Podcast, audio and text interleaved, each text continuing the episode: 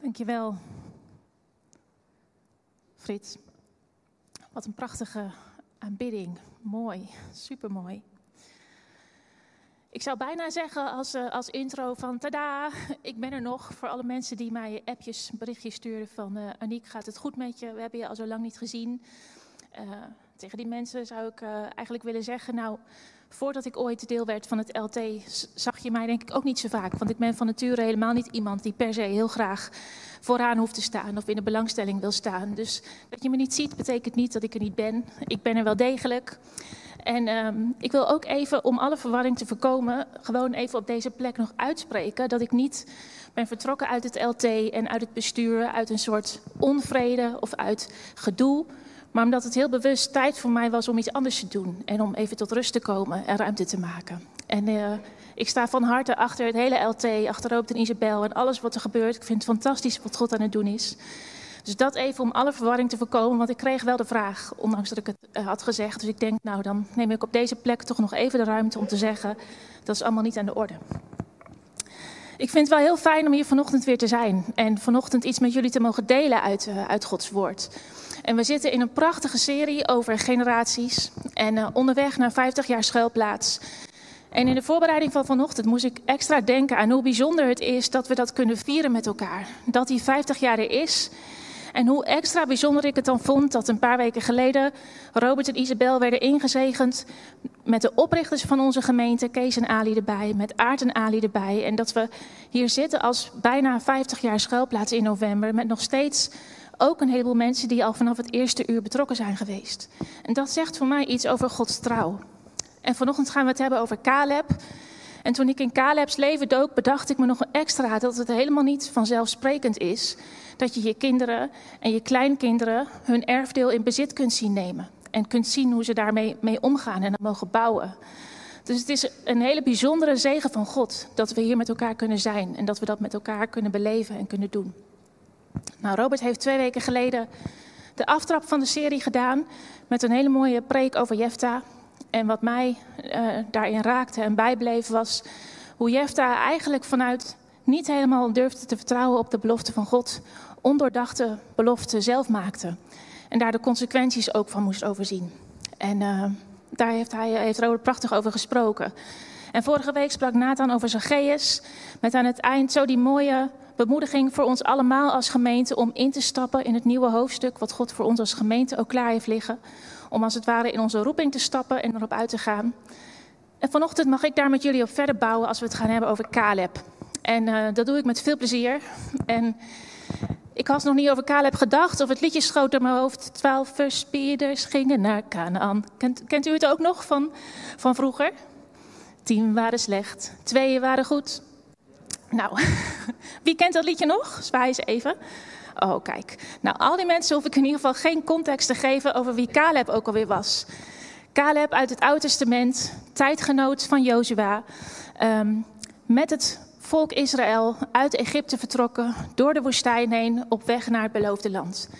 En de eerste keer dat we Caleb tegenkomen in de Bijbel, of dat we hem tegenkomen in het verhaal, is in nummer 13.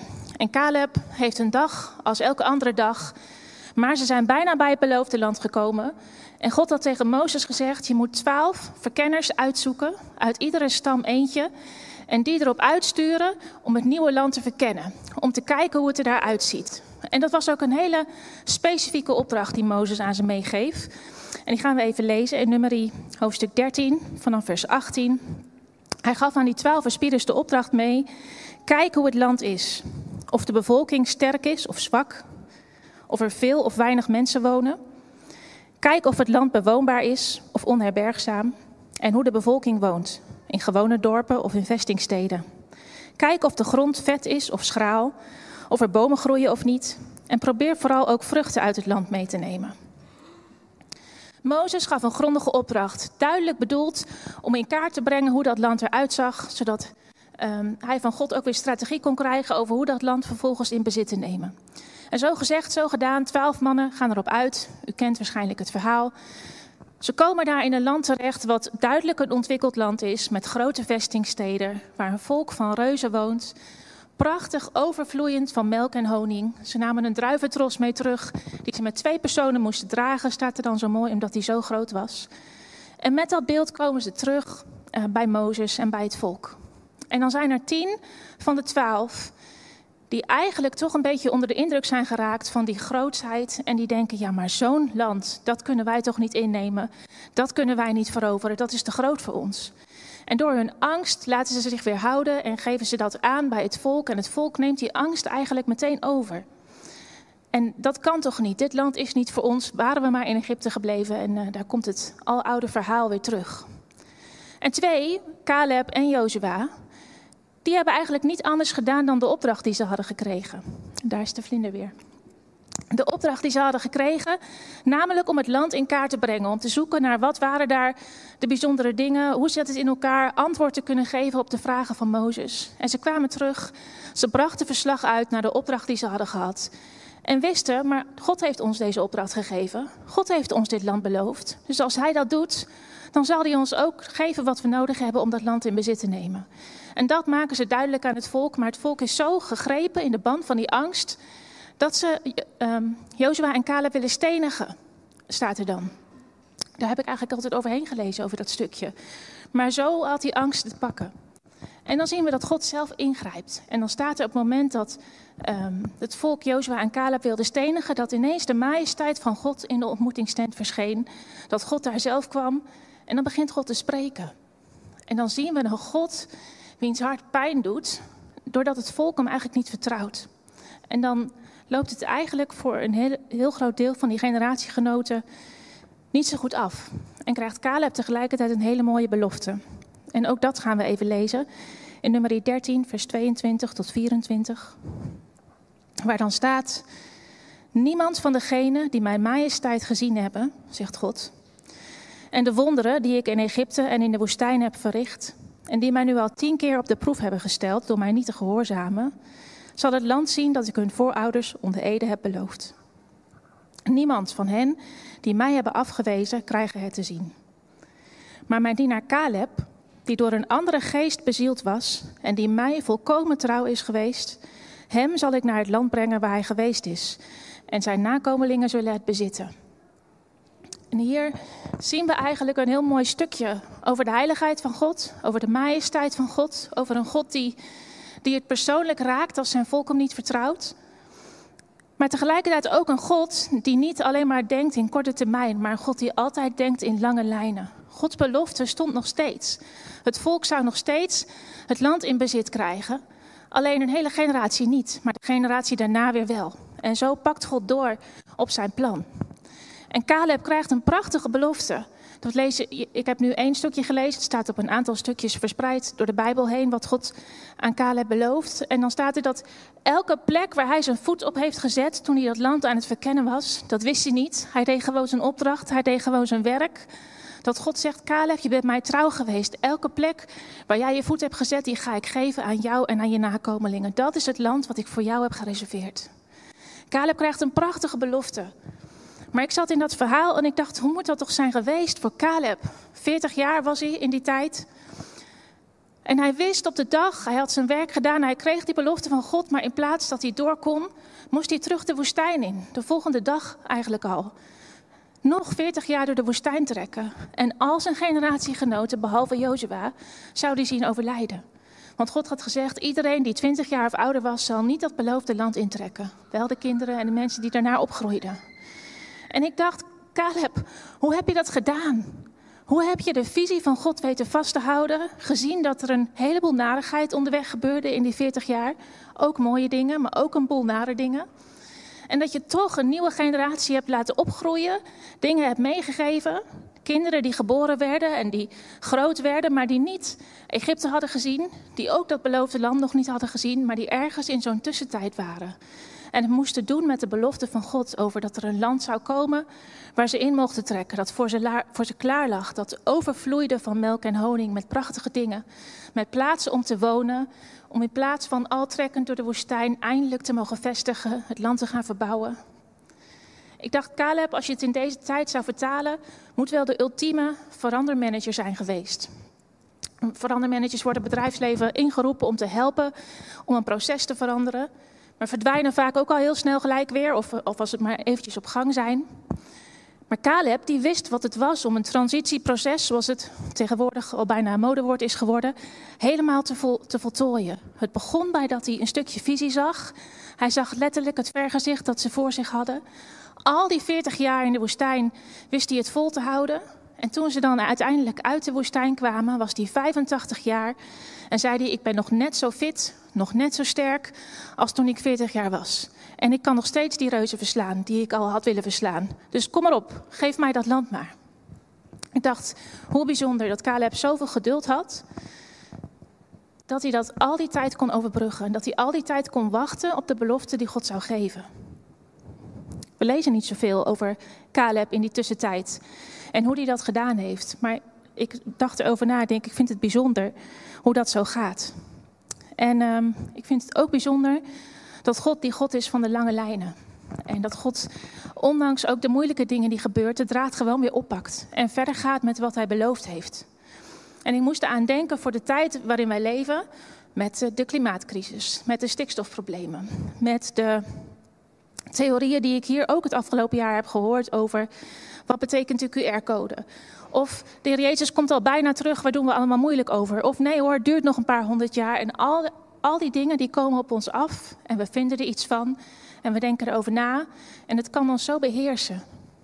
Terwijl ik naar het verhaal van Caleb zat te, zat te lezen en zat te bestuderen en dacht, Heer God, wat kunnen wij doen om de generatie die nu opgroeit, om onze kinderen en onze kleinkinderen, de mensen op het werk aan wie we leiding geven of die we lesgeven op school of die we verzorgen, om te zorgen dat zij meekrijgen wat ze nodig hebben om op hun plek in de tijd u te kunnen volgen en u te kunnen dienen. Om vol te zijn van de glorie van u. Wat kunnen we als gemeente doen om te zorgen dat we klaar zijn?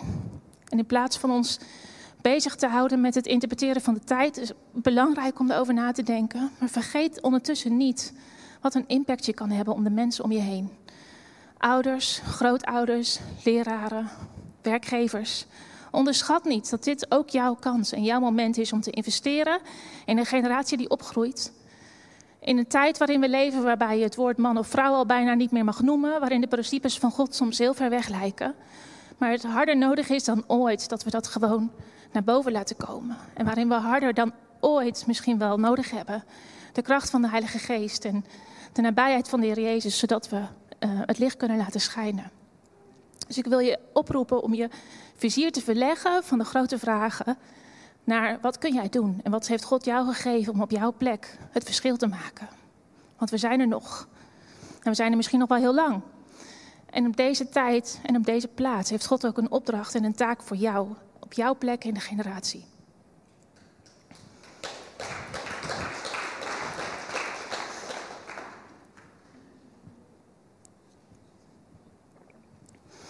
Nou, dan slaan we even 45 jaar over in de tijd. Caleb heeft die tijd overleefd en hoe hij het gedaan heeft, weet ik niet exact, maar ze komen aan in het beloofde land. En we vinden Caleb terug midden in de verdeling van het land.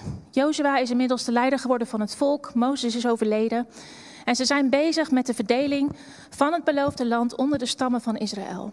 En ik zat het te lezen en het is niet voor vandaag, maar als je erin geïnteresseerd bent, lees Numeri is, lees Jozua is en zie hoe ontzettend veel aandacht God schonk aan waar de grenzen van het land lagen, aan wie welk stukje kreeg, aan hoe het verdeeld was, aan hoe er voor iedereen werd gezorgd. God had een enorme visie over hoe dat te doen. En die deelde die ook met Jozua. En Jozua deelde hem weer met de leiders van het volk. En zo kreeg iedereen zijn stukje. ik vind het prachtig om, om te zien hoeveel aandacht daardoor, daarvoor was. Maar Caleb is daar ook weer. Caleb heeft die 40 jaar door de woestijn overleefd. En komt op een dag bij Jozua en zegt eigenlijk heel nuchter, heel rustig, helemaal niet arrogant, tenminste als ik de tekst een beetje lees en interpreteer. Maar hij komt wel bij Jozua om Jozua te herinneren. Jozua, weet je nog, 40 jaar geleden wij samen. Weet je nog wat God beloofd heeft? God had ook iets beloofd aan mij. En dat stukje wil ik met jullie lezen en dat vinden we terug in Jozua 14, vanaf vers 6. En daar staat, Enkele mannen van de stam Juda wenden zich tot Jozua. Een van hen was Caleb, de zoon van de Keniziet Jefunne. En hij zei tegen Jozua, u weet wat de Heer aan Mozes, de godsman, over ons beiden heeft gezegd. Ik was veertig jaar oud toen Mozes, de dienaar van de Heer, mij erop uitstuurde om dit land te verkennen. Ik bracht hem naar eer en geweten verslag uit. We hebben het net ook gehoord. Mijn metgezellen joegen ons volk de schrik op het lijf, maar ik bleef volledig op de Heer mijn God vertrouwen. En Mozes beloofde me toen, omdat jij op de Heer je God bent blijven vertrouwen, zweer ik je dat je de hele streek die je hebt betreden, dat die hele streek voor altijd het grondgebied van jou en van je nageslacht zal zijn. Wel nu, zei Caleb, de Heer heeft mijn leven gespaard zoals hij had beloofd. Het is nu 45 jaar geleden dat hij Mozes die belofte liet doen, toen Israël nog door de woestijn trok. Ik ben nu 85 jaar oud, maar nog altijd even sterk als op de dag dat Mozes me op verkenning stuurde. Die woestijn die heeft toch wel iets uh, bijzonders gehad als je als 85-jarige nog net zo sterk bent als toen je 40 was. Ik ben nog even goed als toen in staat om te vechten en om het bevel te voeren. Geef me dus dit bergland dat de Heer mij in de tijd heeft beloofd. U hebt toen toch gehoord dat de Enakieten wonen in grote en versterkte steden? Als de Heer me maar bijstaat, zal ik ze wel verdrijven, zoals Hij heeft beloofd. Caleb is heel duidelijk. Hij weet nog exact wat God had gezegd. Er is geen graantje twijfel of hij wel heeft wat hij nodig heeft, want het was, het was Gods belofte die er was gedaan. En nadat Caleb dit had gezegd, zegende Jozua hem. En hij gaf hem Hebron als grondgebied. Hebron heette destijds Kirjat Arba, naar Arba, de allergrootste van de Enakieten. En omdat Caleb, de zoon van de Kenizietje Funne, op de Heer, de God van Israël, was blijven vertrouwen, kregen hij en zijn nageslacht Hebron als grondgebied, tot op de dag van vandaag. En hiermee eindigde de oorlog. En ik vond het mooi dat dat stukje zo uitgebreid beschreven staat. Dat er staat dat Caleb toeging naar Jozua om hem te herinneren aan de belofte die God had gedaan. Het was niet nodig eigenlijk. Want God had zelf ook al tegen Jozua gezegd: Jozua, je moet wel Caleb dat land geven. Om Jozua in de drukte van de hele verdeling van het land te herinneren aan de belofte die hij, had, die hij had gedaan. Want God vergeet zijn belofte niet. Maar misschien was het wel nodig voor Caleb om zelf ook even hardop te zeggen: Jozua, dit had God beloofd aan ons, aan jou en dit aan mij. Zodat hij zelf ook ging staan voor de belofte die hij van God had gekregen. En het is prachtig als je dan ziet wat er met Hebron gebeurt. Hebron, de koning van Hebron was inmiddels al verslagen, dat had het volk al gedaan en van een aantal andere steden ook. Maar Hebron was dus de stad van de reuzen, die stond daar symbool van. En precies die stad, die krijgt Caleb. En dan staat er dat Caleb de drie zonen van Enak uit die stad verdreef. En je kan dus een koning, een, een reus verslaan, maar je moet ook niet vergeten om de zonen van die reus ook nog even te verjagen uit de stad, zodat de stad vrij is. En Hebron wordt letterlijk een vrije stad, een vrijplaats.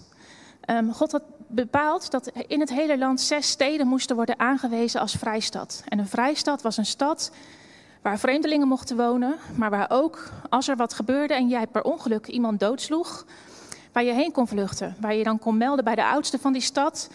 En dan mocht je daar wonen en dan mocht je veilig blijven, zodat je veiliger was voor bloedwraak. Zodat niet iemand anders van die familie jou kon neerslaan, omdat dat zijn recht was op, op wraak in die tijd. Zolang jij binnen de muren van die stad bleef, was je veilig. En dan was Hebron ook nog een stad die aan de Levieten werd gegeven. De Levieten die in dienst waren van God en geen eigen um, land kregen zoals alle andere stammen, maar ze kregen wel een aantal steden toegewezen waar ze mochten wonen. En de Levieten deden ook dienst in de tempel. En zo dacht ik, Hebron werd van een stad van reuzen, een stad van Caleb. En Caleb hield hem niet voor zichzelf, maar het werd een vrijplaats. Waar het volk mocht wonen, waar de vluchtelingen mochten wonen, waar de aanbidders mochten wonen. En het was een stad van vrijheid en van aanbidding. En zo vind ik het prachtig om te zien dat God zijn belofte niet vergeet. En dat Caleb wel degelijk erin moest gaan staan en hem in moest nemen. Maar dat er dan ook iets prachtigs uitkomt. En misschien wel iets veel mooiers dan wij hadden kunnen bedenken. En dan in de derde plaats, dan vinden we ook nog de dochter van Caleb terug in het hele verhaal. En we zien dat Caleb heeft Hebron veroverd. Dat was de stad die hij zelf kreeg. Maar hij was natuurlijk ook onderdeel van dat grotere plaatje van die stam van Juda, die het hele gebied nog moest veroveren. En ze trekken op naar de volgende stad, Deber. Of hoe je het ook uitspreekt. Ik, uh, in, mijn hoofd werd het zo. En um, dan zien we dat Caleb zegt, hij is toch tenslotte al 85 jaar. Misschien was hij net nog iets minder fit dan die voor ogen had. Hij had al een hele stad veroverd. De volgende stad liet hij aan anderen. En hij zegt: Wie deze stad verovert, die mag met mijn dochter trouwen. En toen dacht ik: Ja, heer, dit vind ik niet zo'n leuk stukje in het verhaal. Kom op nou.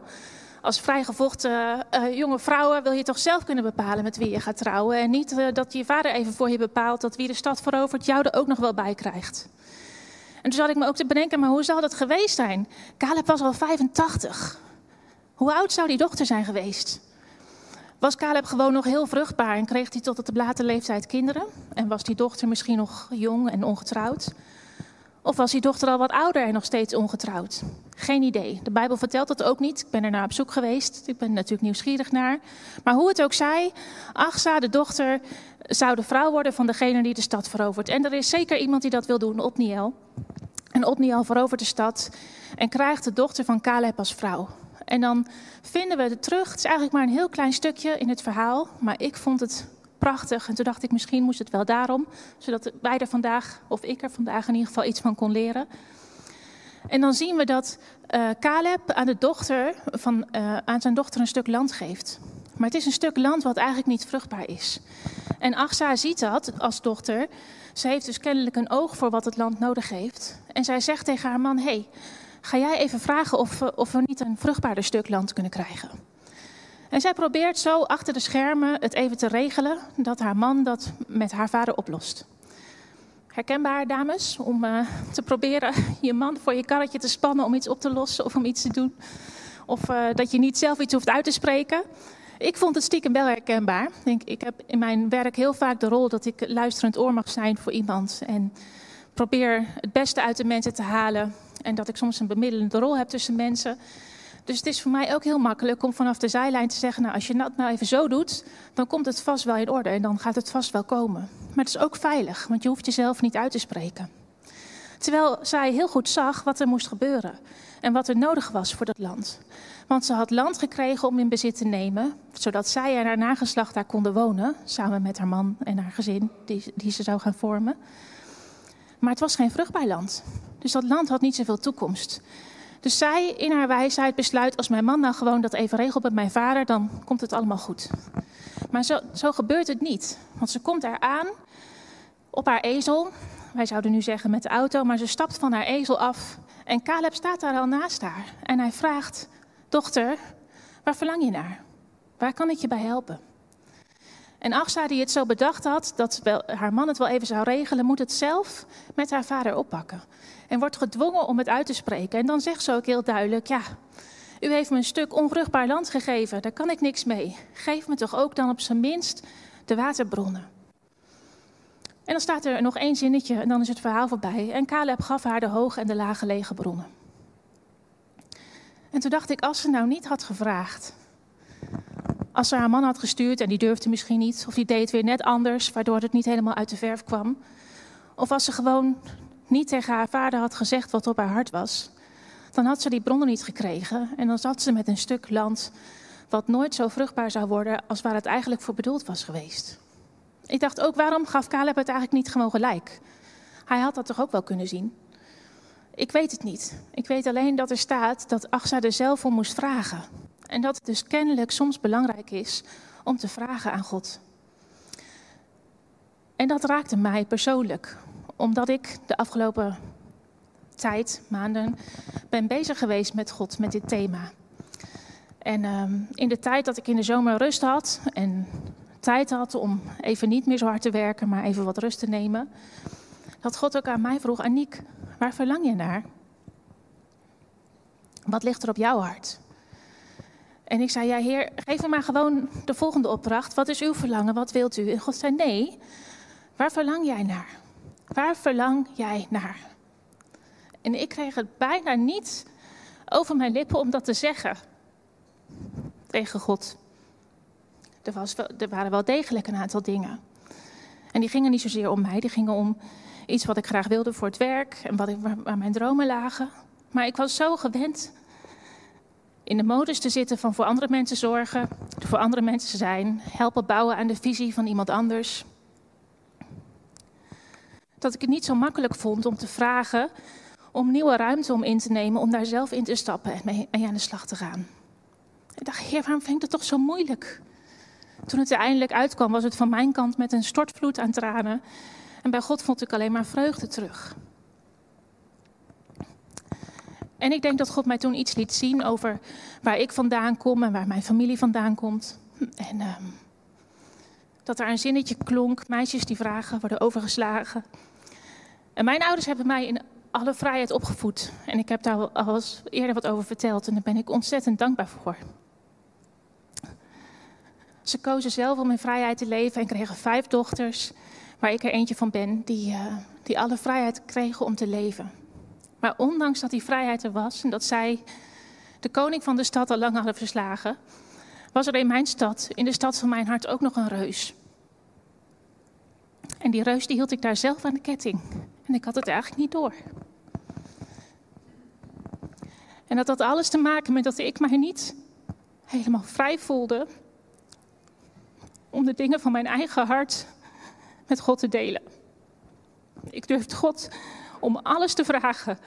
Als ik wist dat het voor iemand anders was, als ik wist dat ik iemand ermee hielp. Maar de verlangens van mijn eigen hart, die bleven daar soms zitten. En God sprak mij daarop aan in de zomer. Sorry hoor, het is nog een beetje vers. Dan krijg je dat soms. Maar ik vond het zo mooi.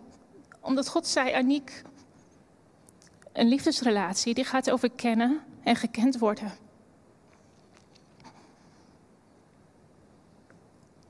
En net zoals ik het belangrijk vind dat jij mijn hart kent, zo wil ik jouw hart ook kennen.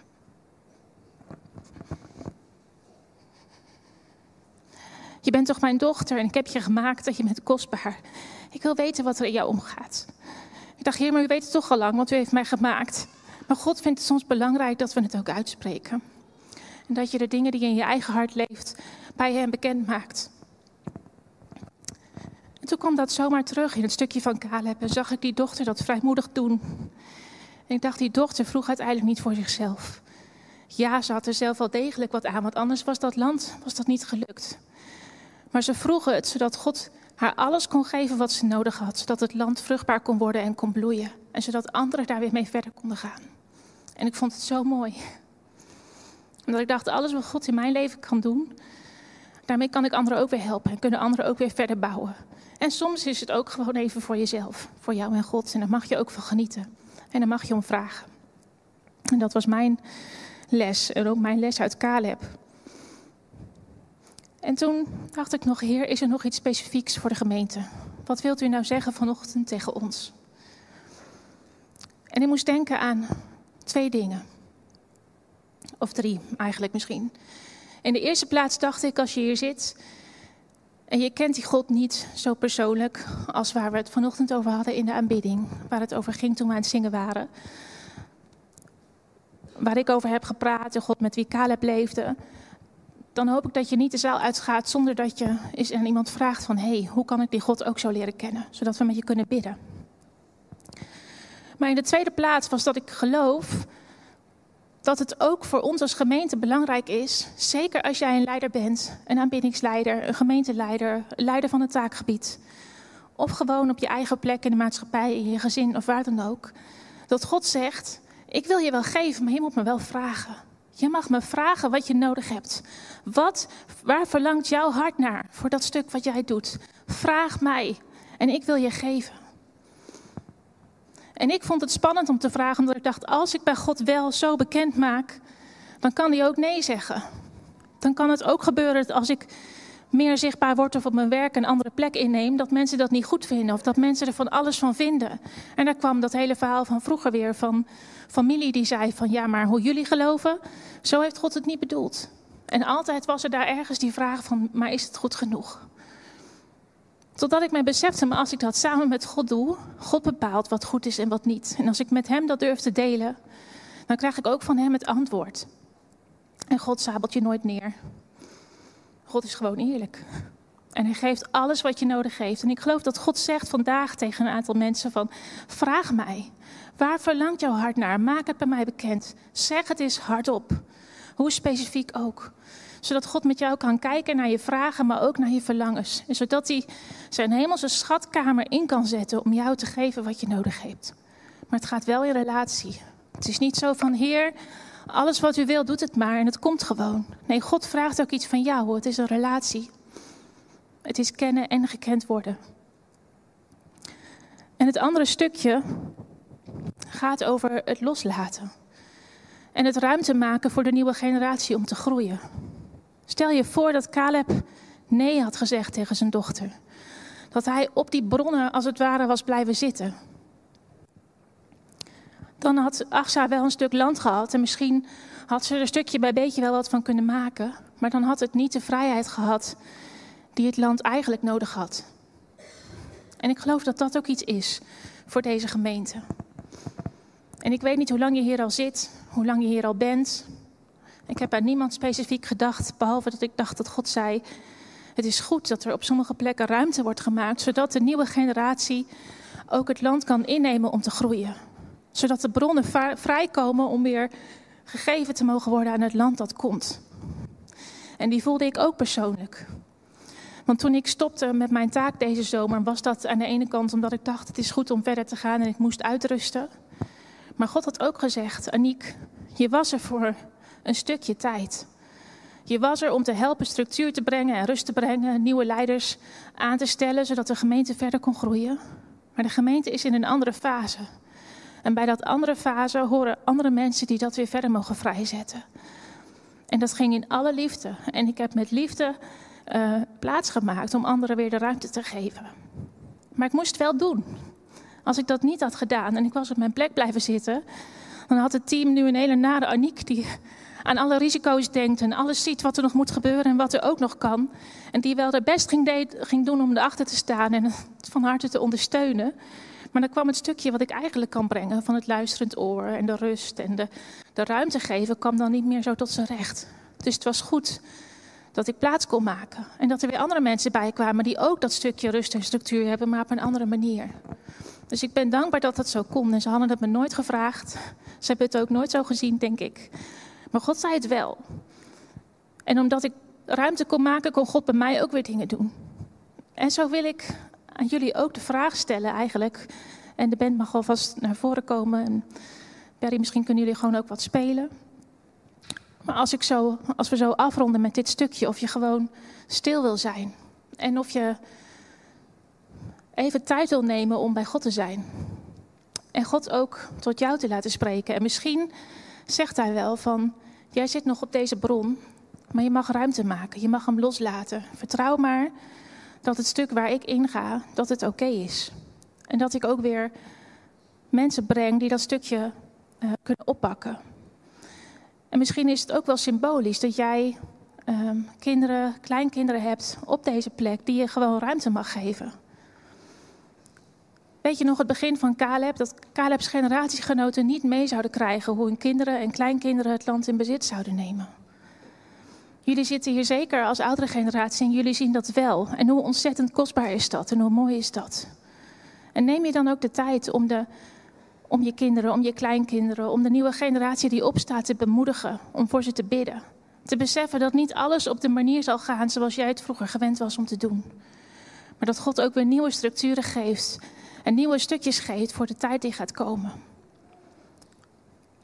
Misschien wil je erover nadenken, over wat God daarover tot jou spreekt. Want ik geloof dat hij tot een aantal mensen spreekt daarover ook vanochtend.